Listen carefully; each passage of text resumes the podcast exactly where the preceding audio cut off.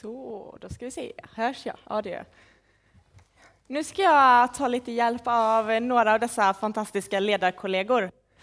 Så ni som ska vara med i dramat får komma upp nu.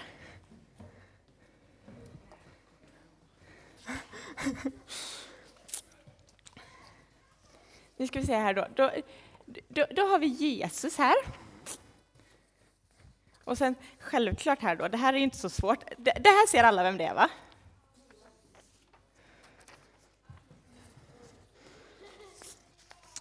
Ska vi se vem vi hade här.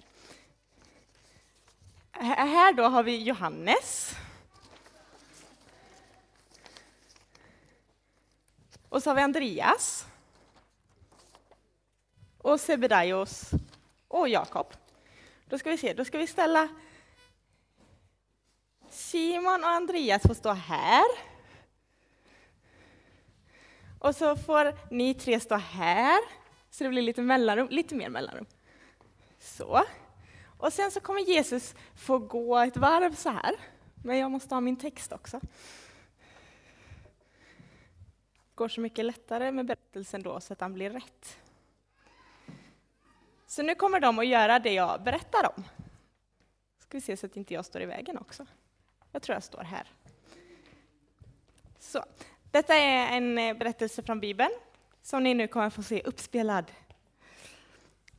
När Jesus gick på stranden längs Galileiska sjön fick han syn på två bröder. Simon, som senare blev känd som Petrus, och Andreas. De var fiskare och höll på att lägga in nät i sjön. Följ med mig, sa Jesus. Jag ska göra er till en ny sorts fiskare. Jag ska lära er att fånga män och kvinnor istället för gös och abborre. De ställde inga frågor utan släppte bara näten och följde honom. En bit längre bort på stranden träffade de två andra bröder, Jakob och Johannes, som var son till Sebedaios. De satt i båten med sin pappa och lagade sina nät.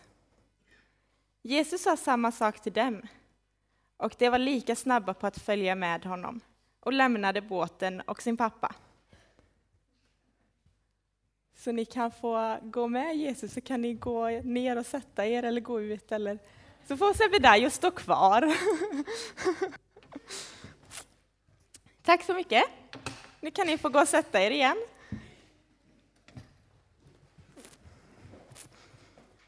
Ja, du kan ta med den ner. Jag vet inte, det kanske var någon som tänkte på att den där berättelsen kändes bekant, men jag har inte hört den riktigt så innan. Så är det för att det inte är den vanliga översättningen jag läste i, utan jag läste från The Message, som är en ganska ny version.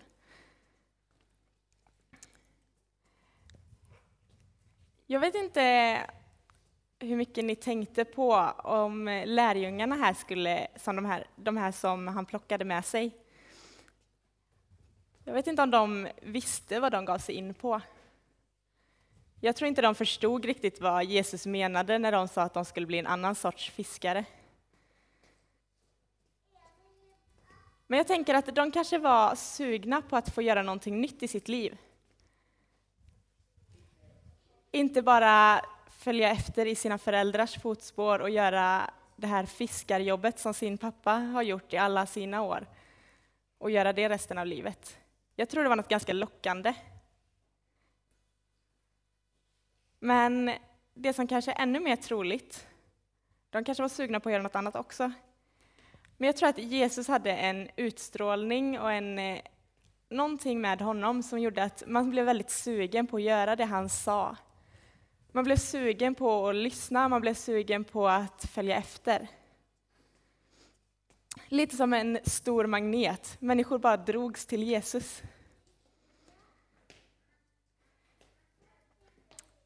Jesus sa till sina lärjungar att de skulle bli människofiskare, eller en annan sorts fiskare. Men det är inte bara de här lärjungarna som Jesus pratar med. Han pratar med oss också. Och jag tänker att han säger till oss, kom.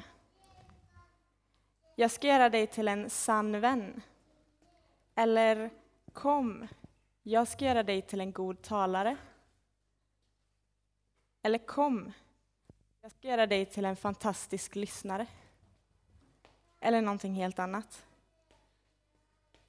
Och ibland så förstår vi det här kommet väldigt bra. Vi vet precis vad det är Gud vill att vi ska göra. Men andra gånger är det inte lika tydligt. Men om vi vågar ta steget, om vi gör som de här fyra lärjungarna gjorde och bara släpper allt och följer efter, så är jag säker på att Gud visar oss vägen och visar vad det är han vill att vi ska göra. När jag var gammal nog för att gå konfirmationen, då tänker jag att jag fick mitt, ett av mina första kom. Jag fick ett, en, en sån stark längtan av att det här med konfa, det är nog något bra, det måste jag göra. Det var liksom bara, det bara kändes rätt. Så jag gjorde det. Och det här året ledde till så mycket. Och efter att det här året hade gått så kom det ett nytt kom. Men den här gången var det mycket tydligare, för den här gången kom det inte som en känsla eller en tanke, utan den här gången använde Gud någon annan. Han använde vår pastor som jag hade då. Han använde pastorn genom att säga eh, att pastorn sa till mig Kom, bli en del av den här församlingen. Bli en del av den här gemenskapen. Han sa Mikaela, skulle inte du vara sugen på att vara med i söndagsskolan? Att bli en ledare där? Vi skulle behöva någon som kan ta över en av rollerna i dramat. Vi hade lite som Hedvig, en så här standard som kom in med jämna mellanrum. Och där behövdes det en till roll för en som skulle sluta. Och jag nappade på det. Jag tyckte det var jättekul. Drama, det är bra grejer. Man får gå upp på scenen, man får synas, man får höras, men man behöver inte vara sig själv. Jag är någon annan när jag går upp på scenen. Det tyckte jag var jätteskönt, för det var jätteläskigt att prata inför folk.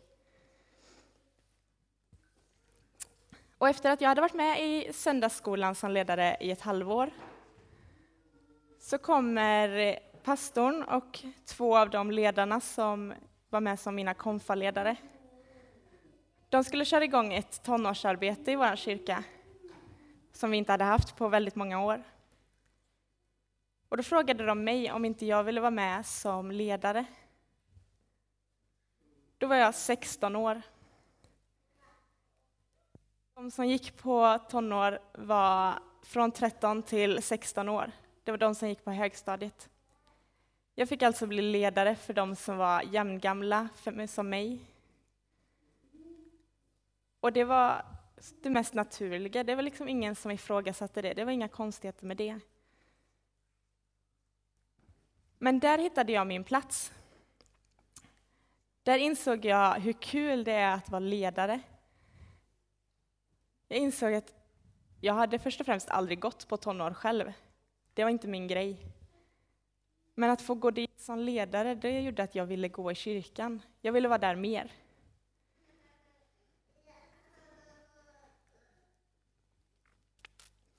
Men eh, för mig var det ganska enkelt i det här fallet att följa det efter det där kom. Men eh, ett kom är inte alltid så lätt. De här lärjungarna släppte allt. De släppte allt de visste, allt de kunde, för att göra något helt annat, som de inte visste vad det var. Det kan vara läskigt att släppa kontrollen. Låta någon annan bestämma och leda en.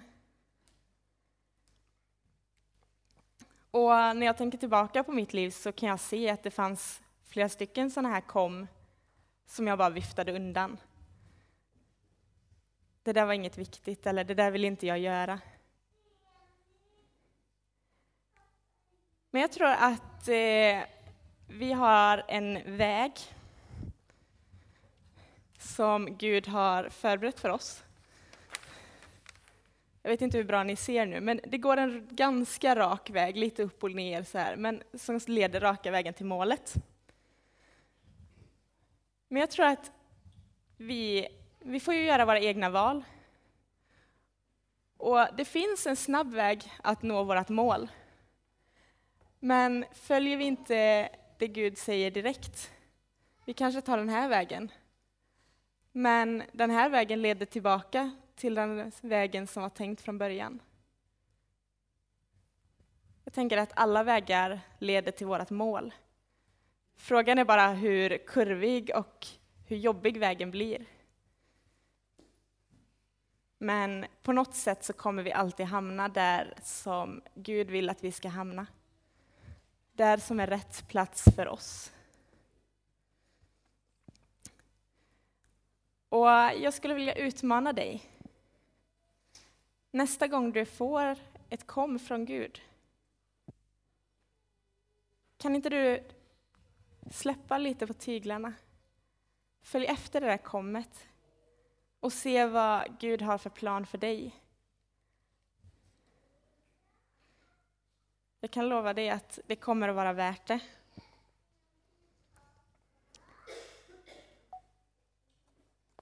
Eh, vi ber en bön tillsammans.